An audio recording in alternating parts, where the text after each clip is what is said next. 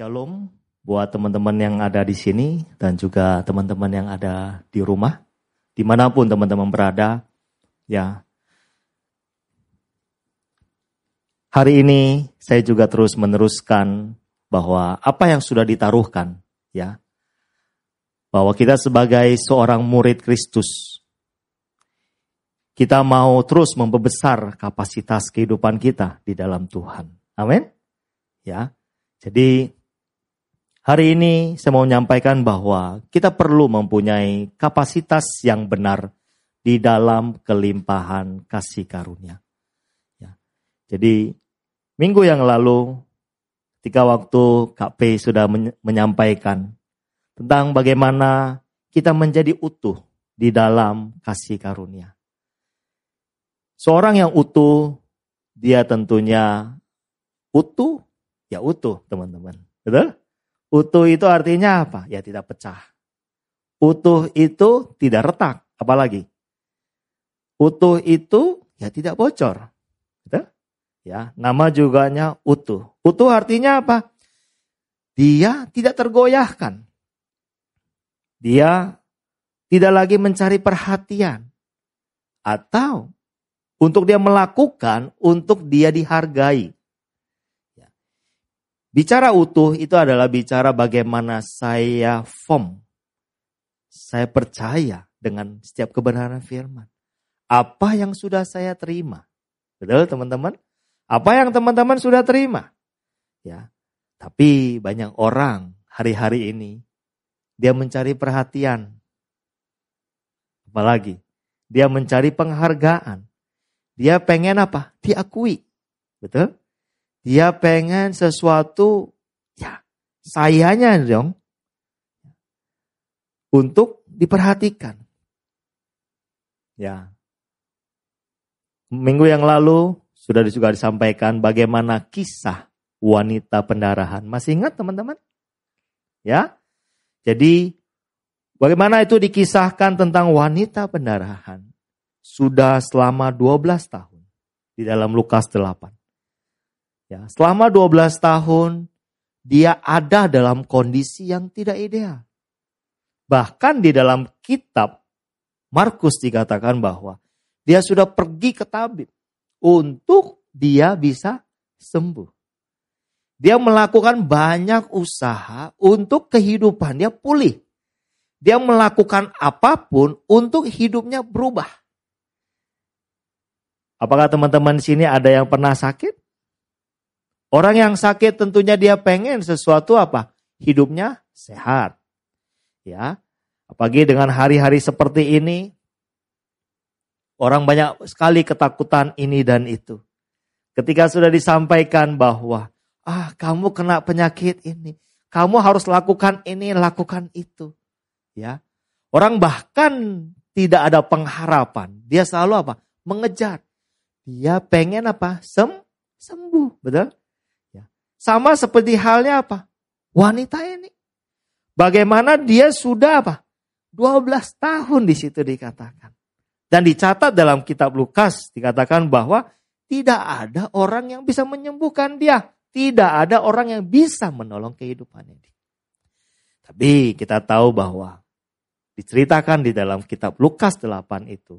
Bagaimana wanita itu apa? Dia menerobos, dia maju dikatakan di ayat ke-44. Dikatakan dia maju untuk apa? Mendekati Tuhan Yesus.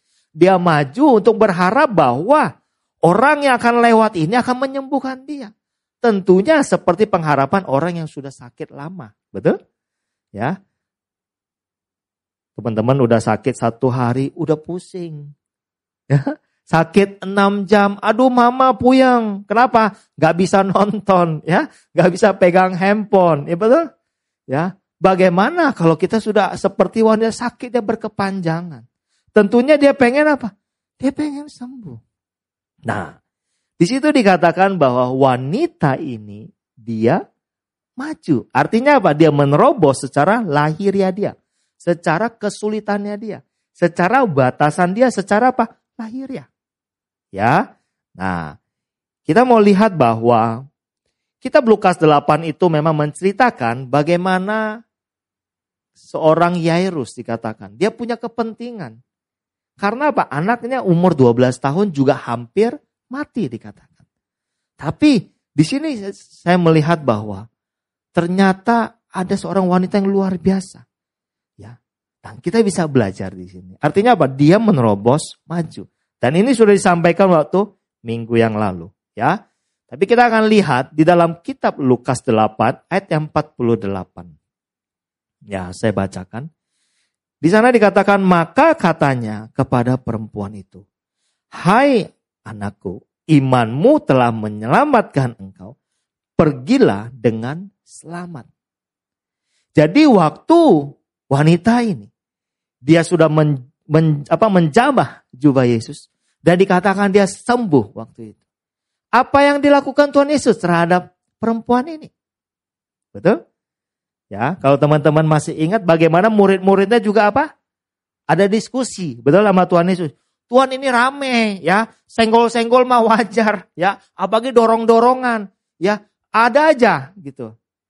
Tapi di sini dikatakan waktu wanita ini dia mengalami kesembuhan. Apa yang Yesus lakukan? Yesus menyampaikan dikatakan, "Hai anakku. Yesus menyampaikan kepada wanita ini secara apa? Secara personal, teman-teman. Ya. Dikatakan daughter, artinya anak perempuan. Anak seorang apa? Tentunya dikasihi. Betul? Teman-teman di sini ada orang tua. Ya kan? Tentu orang tua apa? Mengasihi engkau. Amin. Ya kan? Orang tua apa? Mengasihimu. Sama Yesus berkata kepada perempuan ini dikatakan, "Hai anakku." Ya. Dan Yesus menyampaikan secara apa? Personal. Wanita itu diperlakukan secara personal. Bukan karena apa? Karena kesembuhannya enggak, karena pribadinya saya percaya itu. Ya. Jadi, bukan hanya ketika apa? Yesus menyampaikan secara personal. Dikatakan apa? imanmu telah apa? Menyelamatkan engkau. Dikatakan di dalam versi Inggrisnya dikatakan she whole. Artinya apa? Dia bukan hanya selamat tapi apa? Utuh, teman-teman. Ya. Jadi di sini kita bisa melihat bahwa di dalam waktu saya ada di tengah-tengah kebersamaan, saya ada di tengah-tengah keluarga, sekalipun itu tidak ada dalam kondisi yang sangat ideal, teman-teman perlu tahu bahwa apa? Ada orang yang mengasihi teman-teman. Amin. Orang tuamu mungkin jauh dari harapan kau. Apalagi teman-teman pemuridmu mungkin sangat jauh apa yang kau harapkan. Tapi teman-teman perlu tahu bahwa apa? Engkau menjadi seorang yang apa? Sangat dikasihi. Amin. Ya. Jadi kita bisa baca dalam statement ini bahwa saya dikasihi oleh apa? Bapak yang menjadikan saya seorang pribadi yang utuh, teman-teman. Ya. Jadi saya menjadi apa? Menjadi seorang pribadi yang utuh. Karena apa? Saya sudah dikasihi. Amin. Ya. Bersyukurlah kalau ada orang tua yang sangat mengasihi pribadimu. Bersyukurlah kalau ada pemurid, teman-teman yang menemani engkau dan mengasihimu. Itu menandakan bahwa setiap saudara dan saya adalah apa? Orang yang dikasih.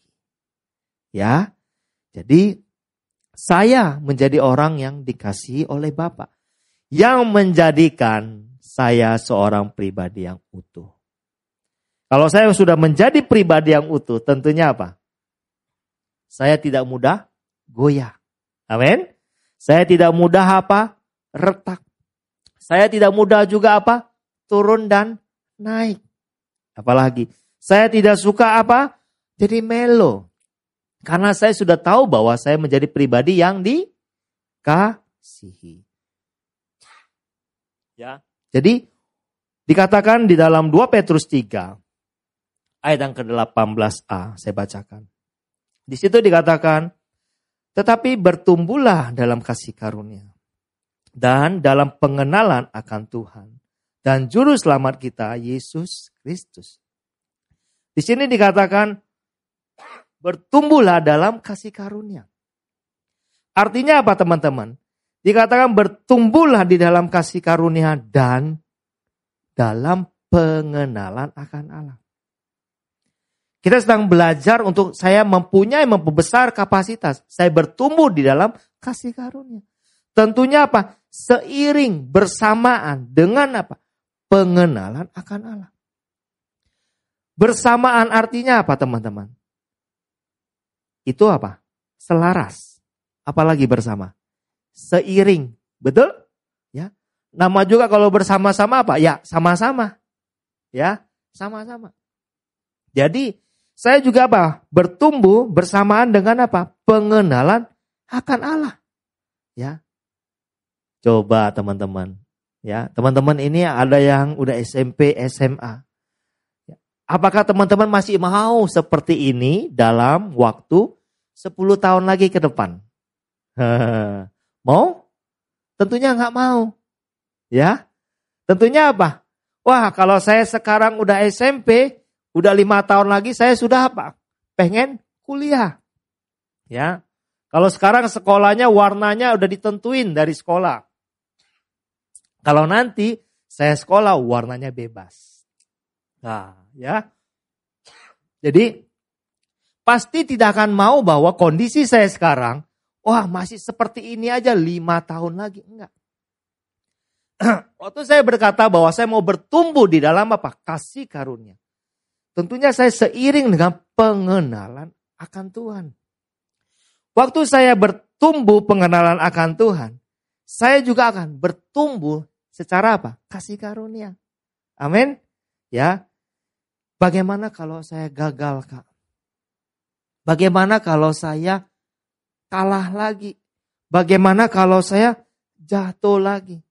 Di sinilah teman-teman, ketika engkau ada di dalam kebersamaan. Ketika engkau ditemenin. Engkau ada orang yang terus apa? Meneguhkan engkau. Amin. Ada orang yang terus mengingatkan. Hai, ayo ikut. ya Datang. Betul? Ada orang yang selalu mengingatkan kita. Supaya apa? Teman-teman terus bertumbuh di dalam Tuhan. Dan semakin mengenal apa? Mengenal Tuhanmu. Ya. Di dalam 2 Timotius 2 ayat 1 dikatakan, sebab itu hai anakku, jadilah apa? Kuat oleh kasih karunia dalam Kristus Yesus. Jadi orang ada orang yang terus menguatkan engkau supaya apa? Hai teman-teman, jadilah. Hai anakku, dikatakan, jadilah engkau kuat. Sebut namamu. Hai siapa? Jadilah apa? Engkau kuat. Amin. Ya. Meskipun engkau gagal. Meskipun dalam perjalanan ini ayo kayaknya susah. Banyak hal yang gak ideal.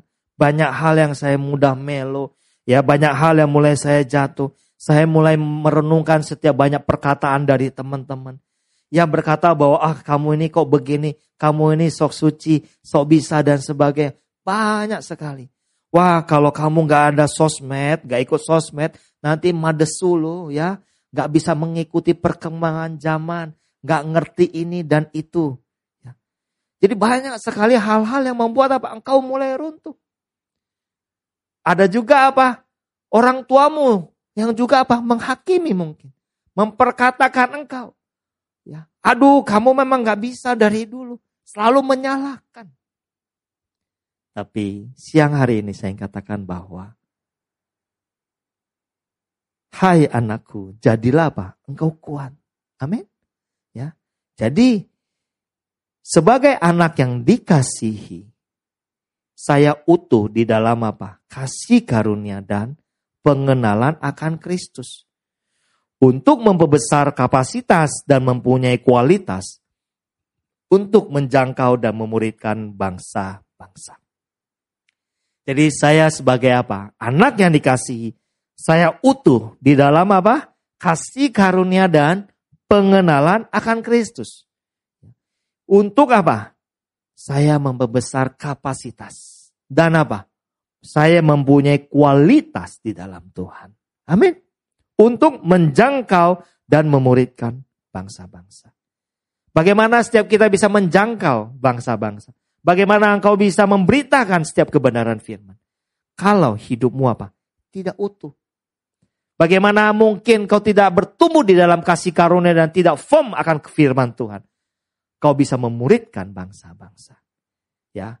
Kita lihat bahwa minggu yang lalu sudah disampaikan tentang Daud sedikit. Ya. Daud di situ dikatakan bahwa Daud namanya David, betul? Ya. Dan dikatakan bahwa arti Inggrisnya beloved. Artinya apa? Sangat dikasihi. Kita sudah belajar itu. Saya tidak akan menjelaskan lebih banyak, tapi nanti ada, ya. Dan kita juga tahu bahwa seorang Daud itu, David ini, dia itu dikatakan sangat dikasihi. Dan saya bersyukur melihat bahwa ternyata Tuhan sudah mempersiapkan dia.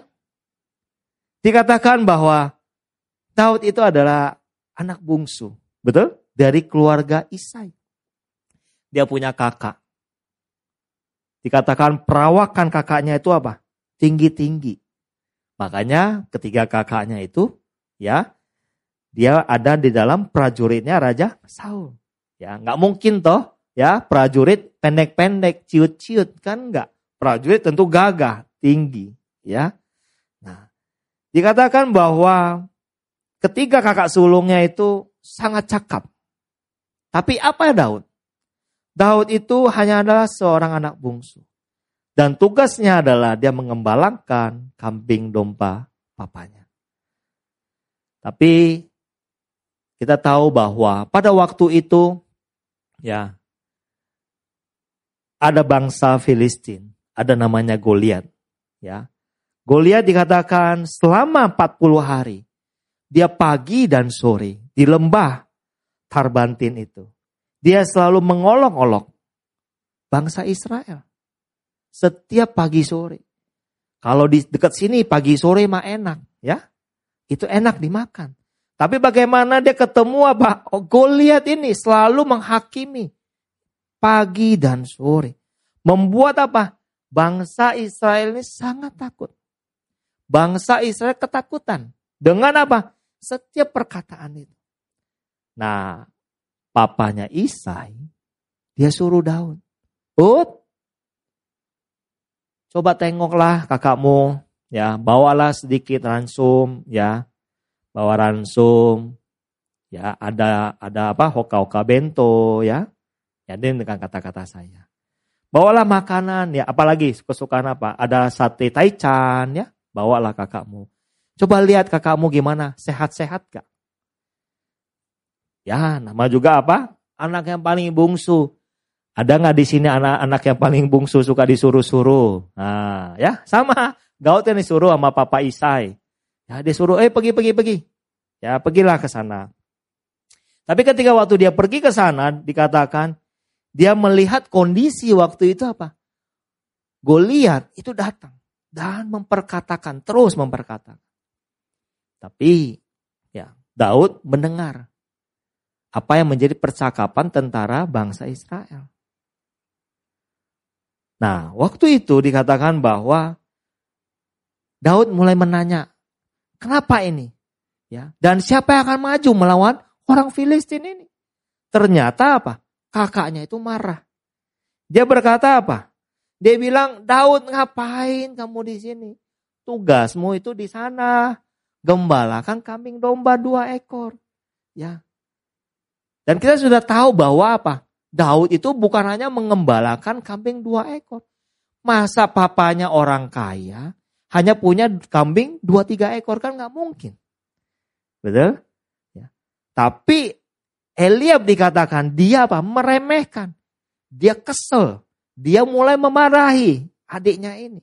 Dia bilang apa? Udahlah kamu pergi aja lah. Ya.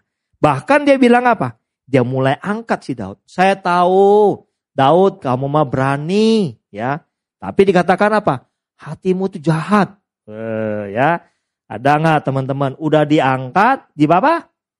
Dibanting katanya ya. Udah berbunga tahu-tahu apa? Disiramin pakai air ya. Kuyup lah. Nah, Daud dikatakan ya, Dia mengalami seperti ini. Tapi kita tahu teman-teman. Sekali lagi saya katakan, Daud itu dikatakan adalah anak yang dikasihi.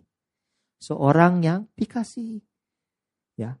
Daud diperlakukan tidak baik. Dia selalu apa? Dipanggil, anakku engkau yang kukasih. Daud dihakimi, dijelekan, dia panggil lagi apa? Beloved. Ya, Daud dicemooh, dipanggil apa lagi? Anakku yang dikasih. Ya. Pernah nggak setiap kita? Engkau sudah dijelekkan, namamu bukan dikasihi. Namamu ditambahin. Eh, si kurus, apalagi. Eh, si hitam. Apalagi, yang ini nggak bisa, yang itu. Akhirnya apa? Kita sudah punya apa? Not. Ya. Daud tidak seperti itu. Meskipun dia mengalami banyak perkataan, tapi dikatakan Daud itu menjadi orang yang dikasihi. Ya. Nah, setelah itu lanjut di ayat 32. Yang tadi saya saya ceritakan itu ayat di atasnya dia. Ya, nah, sekarang saya baca di ayat yang 32. Dikatakan, berkatalah Daud kepada Saul, "Janganlah seorang menjadi tawar hati karena dia hambamu ini akan pergi melawan orang Filistin itu." Tetapi Saul berkata kepada Daud, tidak mungkin engkau dapat menghadapi orang Filistin itu untuk melawan dia. Sebab engkau masih muda. Sedang dia sejak dari masa mudanya telah menjadi prajurit. Tetapi Daud berkata kepada Saul, hambamu ini biasa mengembalakan kambing domba ayahnya. Jadi ketika kondisi pada waktu itu, Daud dikatakan, dia menghadap apa? Sang raja. Dan dia berkata kepada apa? Sang raja bahwa janganlah seorang apa menjadi tawar hati karena si Goliat ini. Janganlah ada satu orang yang menjadi tawar hati karena apa? Orang Filistin ini. Karena apa dikatakan ayat 34? Hambamu ini biasa mengembalakan kambing domba. Apabila datang singa atau beruang yang menerkam seekor domba dari kawanannya. Maka aku mengejarnya menghajarnya dan melepaskan domba itu dari mulutnya. Kemudian apabila ia berdiri menyerang aku, maka aku menangkap janggutnya. Lalu apa? Menghajarnya dan membunuhnya. 36. Baik singa maupun beruang telah dihajar oleh hambamu ini. Dan orang Filistin yang tidak bersunat itu. Ia akan sama seperti salah satu daripada binatang itu. Karena ia telah apa? Mencemooh barisan daripada Allah yang hidup. Daud dikatakan, dia sangat firm. Dia tahu bahwa apa? Tuhan akan menolong, betul? Ya. Dikatakan 36 orang Filistin itu akan menjadi salah satu seperti apa? Singa atau beruang itu. Daud sangat yakin. Amin. Ya. Dan di bahkan apa? Dia meneguhkan Raja Saul. Oke. Di ayat selanjutnya, pula kata Daud, Tuhan telah melepaskan aku dari cakar singa dan dari cakar beruang. Dia juga akan apa? Melepaskan aku dari tangan siapa? Orang Filistin itu. Daud berkata bahwa apa? Tuhan akan apa? Melepaskan aku. Amin.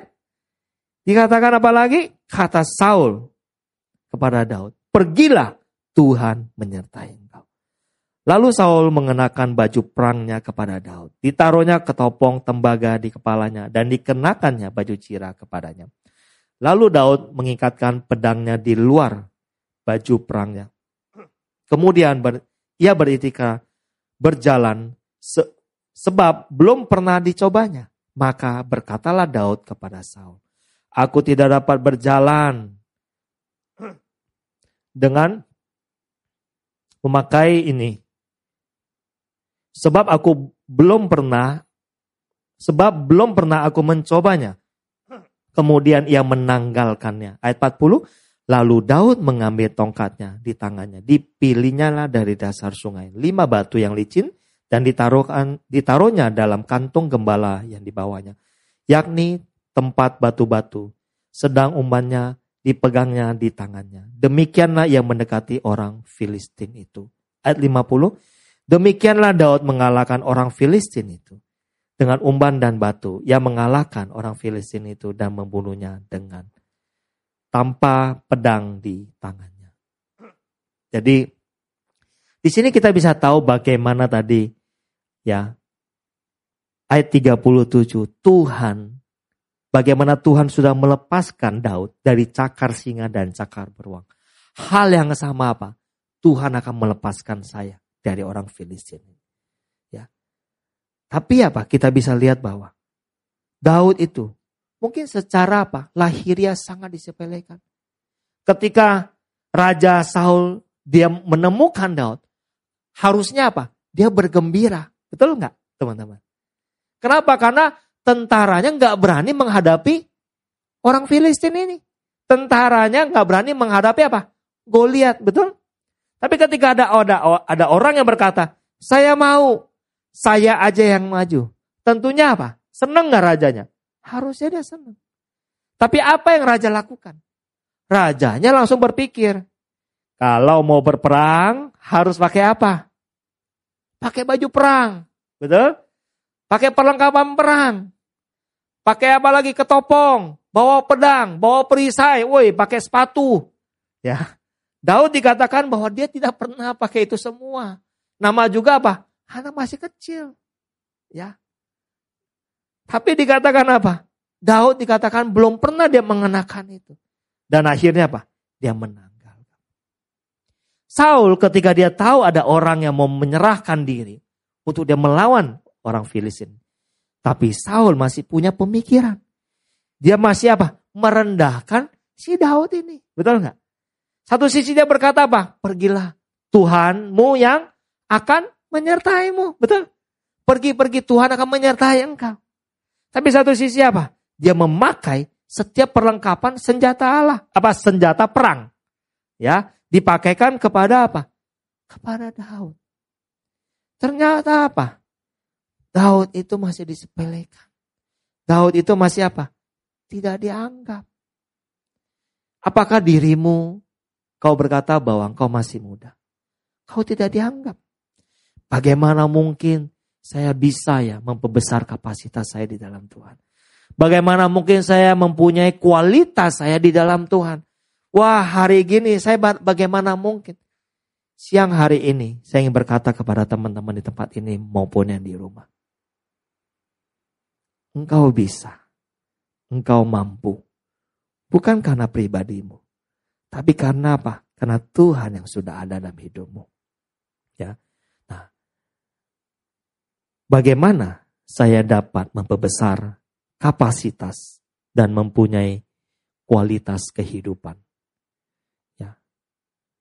Di dalam 1 Samuel 17 ayat 32 itu berkata, Berkatalah Daud kepada Saul, Janganlah seorang menjadi tawar hati karena dia. Hambamu ini akan pergi melawan orang Filistin itu. 34.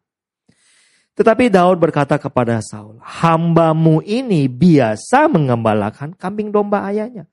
Apabila datang singa atau beruang yang menerkam seekor domba dari kawanannya. Sampai di situ. Bagaimana untuk saya bisa memperbesar kapasitas dan saya mempunyai kualitas kehidupan? Daud dia berkata apa? Janganlah seorang tawar hati.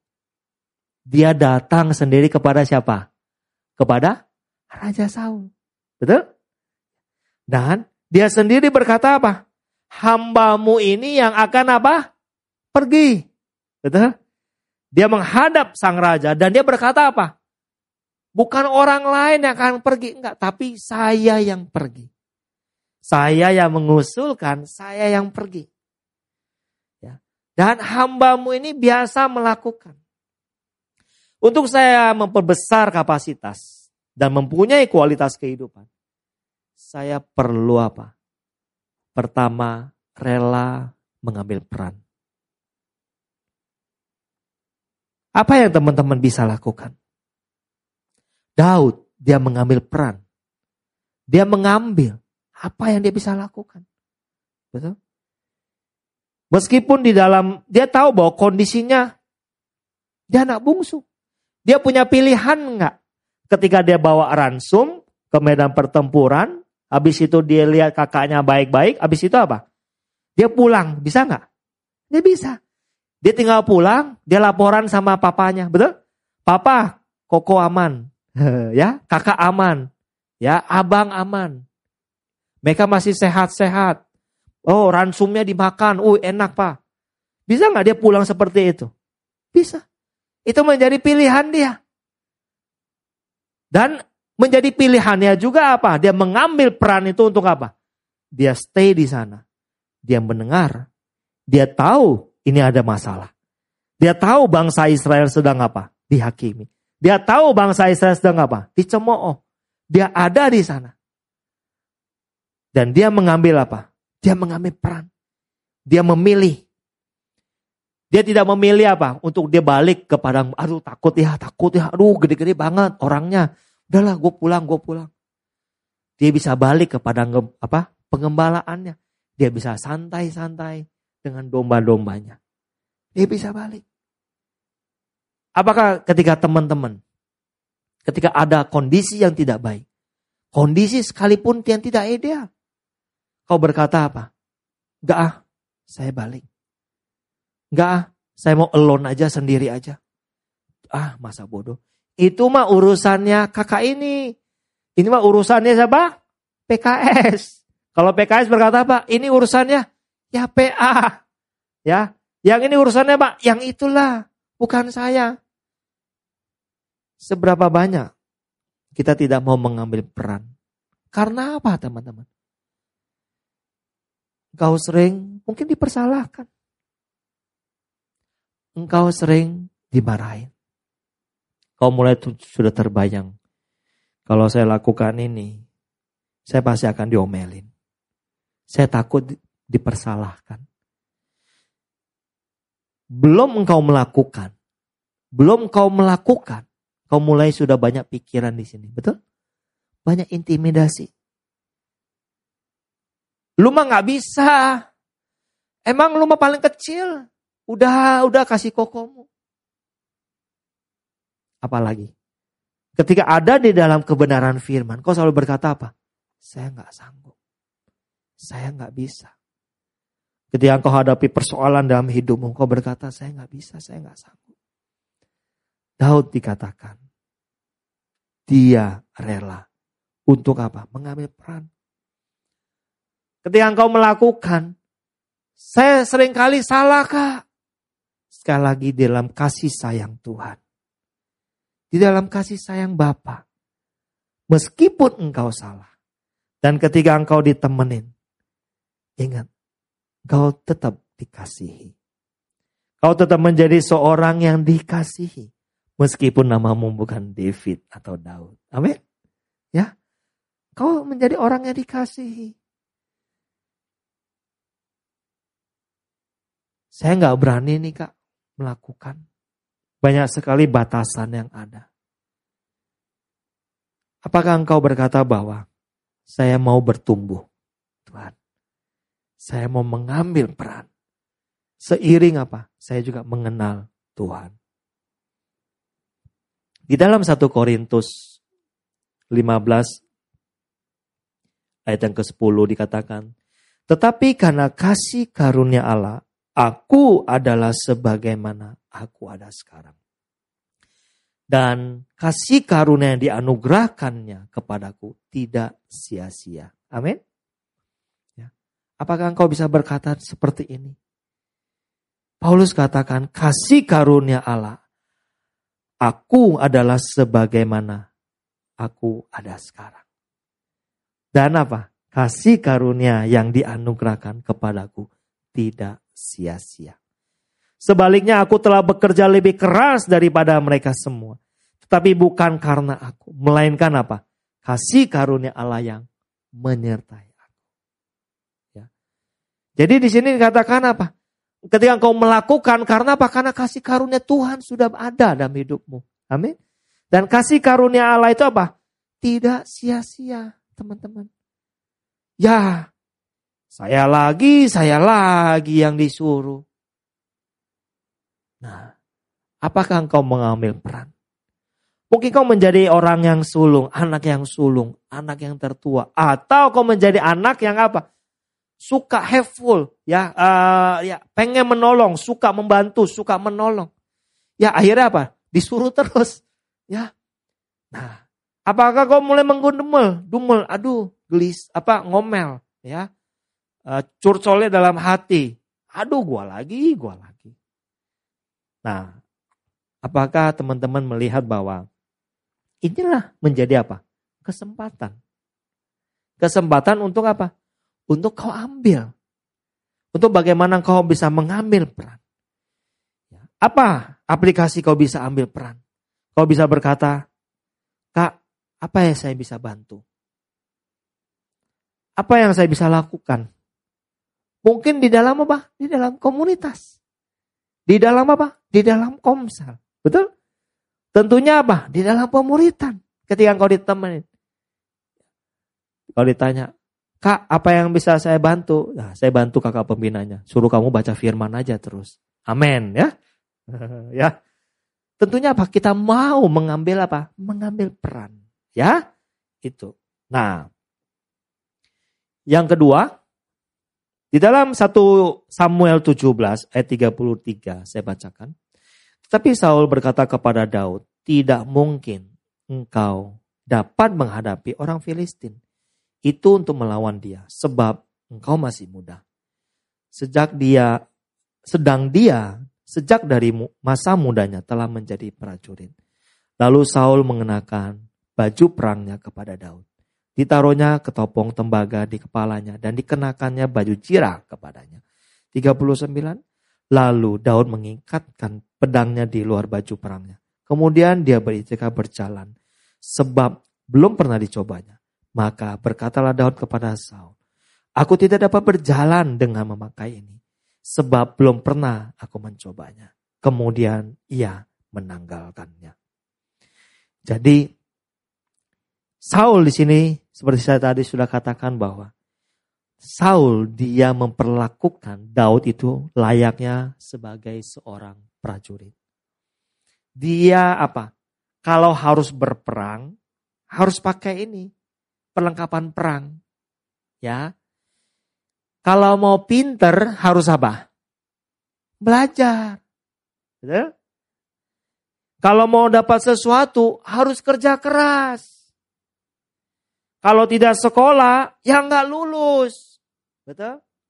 Itu apa teman-teman? Itu menjadi apa? Sebuah hukum. Ya. Law concerns.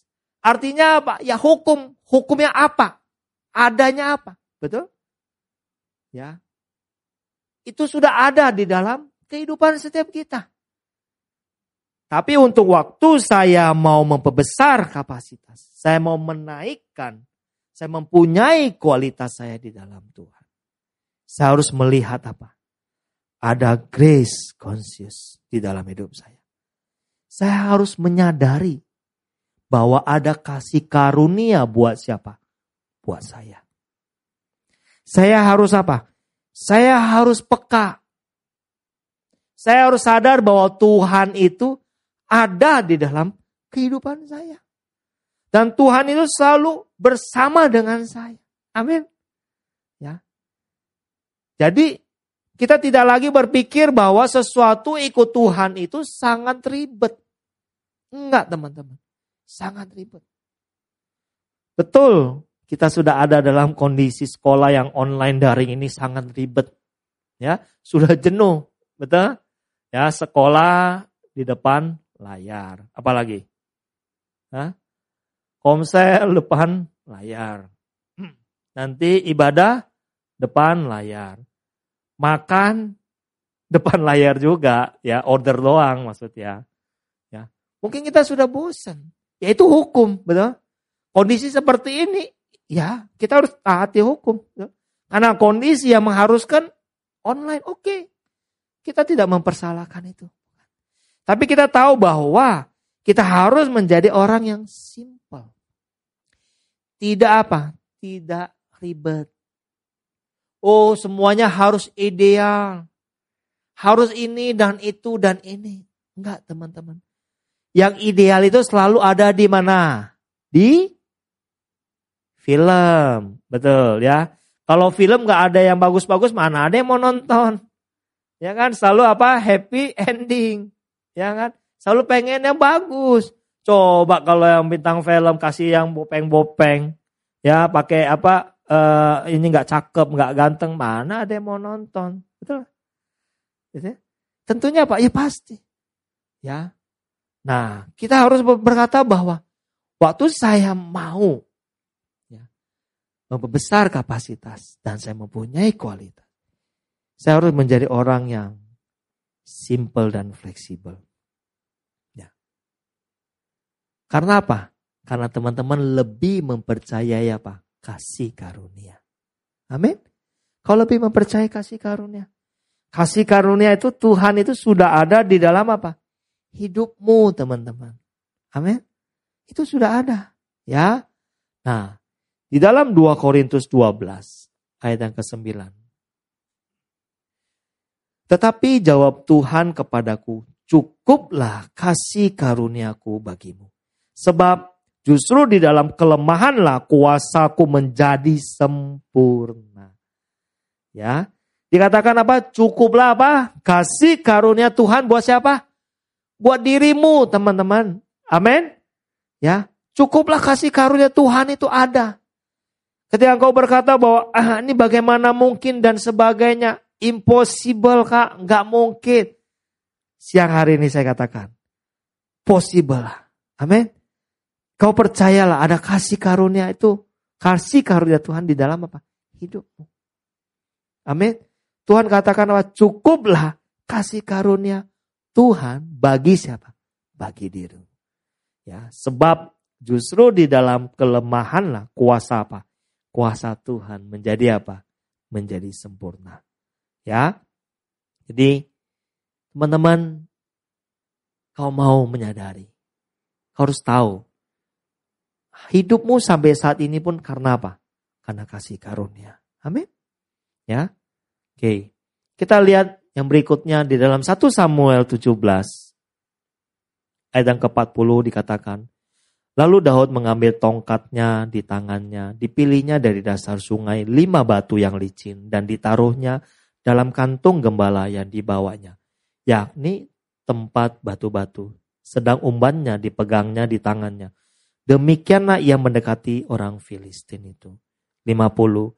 Demikianlah Daud mengalahkan orang Filistin itu dengan umban dan batu. Ia mengalahkan orang Filistin itu dan membunuhnya tanpa pedang di tangannya. Jadi kita bisa melihat bahwa waktu saya mau memperbesar kapasitas dan mempunyai kualitas, saya perlu apa? Mengalami dan terus berjalan dalam kasih karunia sampai akhir. Ya. Daud di sini dikatakan apa? Dia berjalan. Dia mengambil apa yang ada di tangannya. Apa yang ada di dalam tangannya? Tongkat. Tongkat itu yang menemani dia.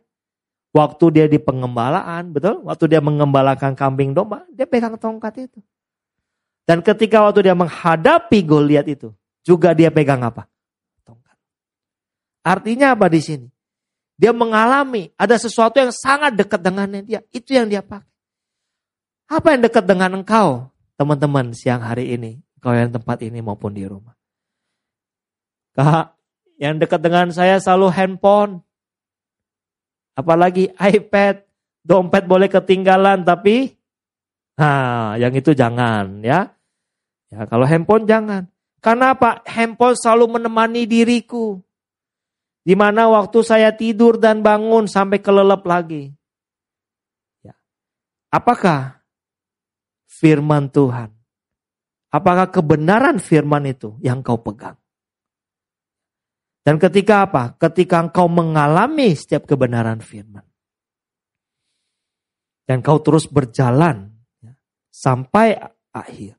Kau akan melihat bagaimana apa? kehidupanmu ya akan terus bertumbuh. Dan kapasitasmu akan terus diperbesar. Daud dikatakan apa? Dia tidak hanya apa? berhenti, dia mengalahkan si Goliat itu. Ya. Ketika waktu dia ada dalam hari-hari dia tidak hanya berhenti untuk apa? Mengalahkan Goliat tidak. Tapi dia terus mengalami apa? Setiap kebenaran firman Tuhan. Ya. Nah, di dalam kisah para rasul 30, 13 ayat 22 dikatakan. Setelah Saul disingkirkan, Allah mengangkat Daud menjadi raja mereka. Tentang Daud, Allah telah menyatakan, Aku telah mendapatkan Daud bin Isai. Seorang apa? Yang berkenan di hatiku. Dan yang melakukan segala kehendakku. Jadi apa? Daud dia tidak hanya berhenti, dia mengalahkan si Goliat itu. Kau tidak hanya berhenti apa? Mengalahkan ketidakidealanmu. Kau tidak hanya berhenti, kau menerobos benteng-benteng batasan dalam kehidupanmu. Ya. Tapi engkau juga apa? Menjadi orang yang berkenan sama seperti Daud. Dikatakan apa? Daud itu seorang yang berkenan di hati Tuhan. Dan dikatakan dia melakukan segala kehendak Waktu teman-teman terus mengalami, terus berjalan. Ya, di dalam kasih karunia sampai akhir. Kau akan melihat bahwa apa? Hidupmu bukan hanya kau dikasihi. Tapi engkau juga apa? Berkenan di hadapan Tuhan. Ya. Di sini dikatakan bahwa saya baca sekali lagi, setelah Saul disingkirkan, Allah mengangkat Daud. Daud seorang yang dikasihi. Amin. Setiap teman-teman yang ada di sini, setiap teman-teman yang kau online di mana pun kau berada, engkau adalah orang yang dikasihi oleh Allah. Bersyukurlah kalau orang yang ada dalam lahiria, orang tuamu, pemuridmu mengasihi engkau. Tapi sekali lagi saya katakan bahwa Tuhan itu mengasihi engkau. Amin. Engkau menjadi apa? Seorang yang sangat dikasihi. Ya. Kau berkata bahwa saya ini adalah orang yang dikasihi oleh Tuhan. Saya sadar saya menjadi seorang yang apa? Menjadi seorang pribadi yang sangat dikasihi. Dan apa? Saya juga apa? Efesus 4 24. Saya mengenakan manusia baru yang telah diciptakan menurut kehendak Allah di dalam kebenaran dan kekudusan yang sesungguhnya. Jadi engkau memakai apa? Pakaian yang baru, manusia yang baru, ya menurut kehendaknya Allah. Tidak lagi dengan apa dengan caramu, teman-teman tidak. Ya. Nah, saya mau apa? Saya mau belajar membuang setiap apa yang lama. Ketika engkau berkata, Tuhan saya mau, saya mau membesar kapasitas. Dan saya mau mempunyai kualitas di dalam Tuhan. Amin. Ya, pertama-tama saya sadar saya dikasih. Ya, kita akan baca statement yang terakhir. Saya minta tim profetik. Ya. Oke, di situ dikatakan, saya baca juga. Dua, tiga. Untuk membesar kapasitas dan mempunyai kualitas dalam kasih karunia yang melimpah. Menggenapi maksud dan kehendak Bapa. Saya hanya perlu teguh sebagai anak yang sangat dikasihi oleh Bapa. Amin. Jadi untuk saya memperbesar kapasitas dan mempunyai kualitas dalam kasih karunia yang melimpah. Saya hanya perlu apa? Teguh sebagai anak yang sangat dikasihi oleh Bapak. Amin. Oke, kita akan tundukkan kita akan tundukkan kepala kita. Saya mau ajak teman-teman untuk berdiri. Yang di rumah juga engkau bisa bangkit berdiri. Terima kasih Tuhan.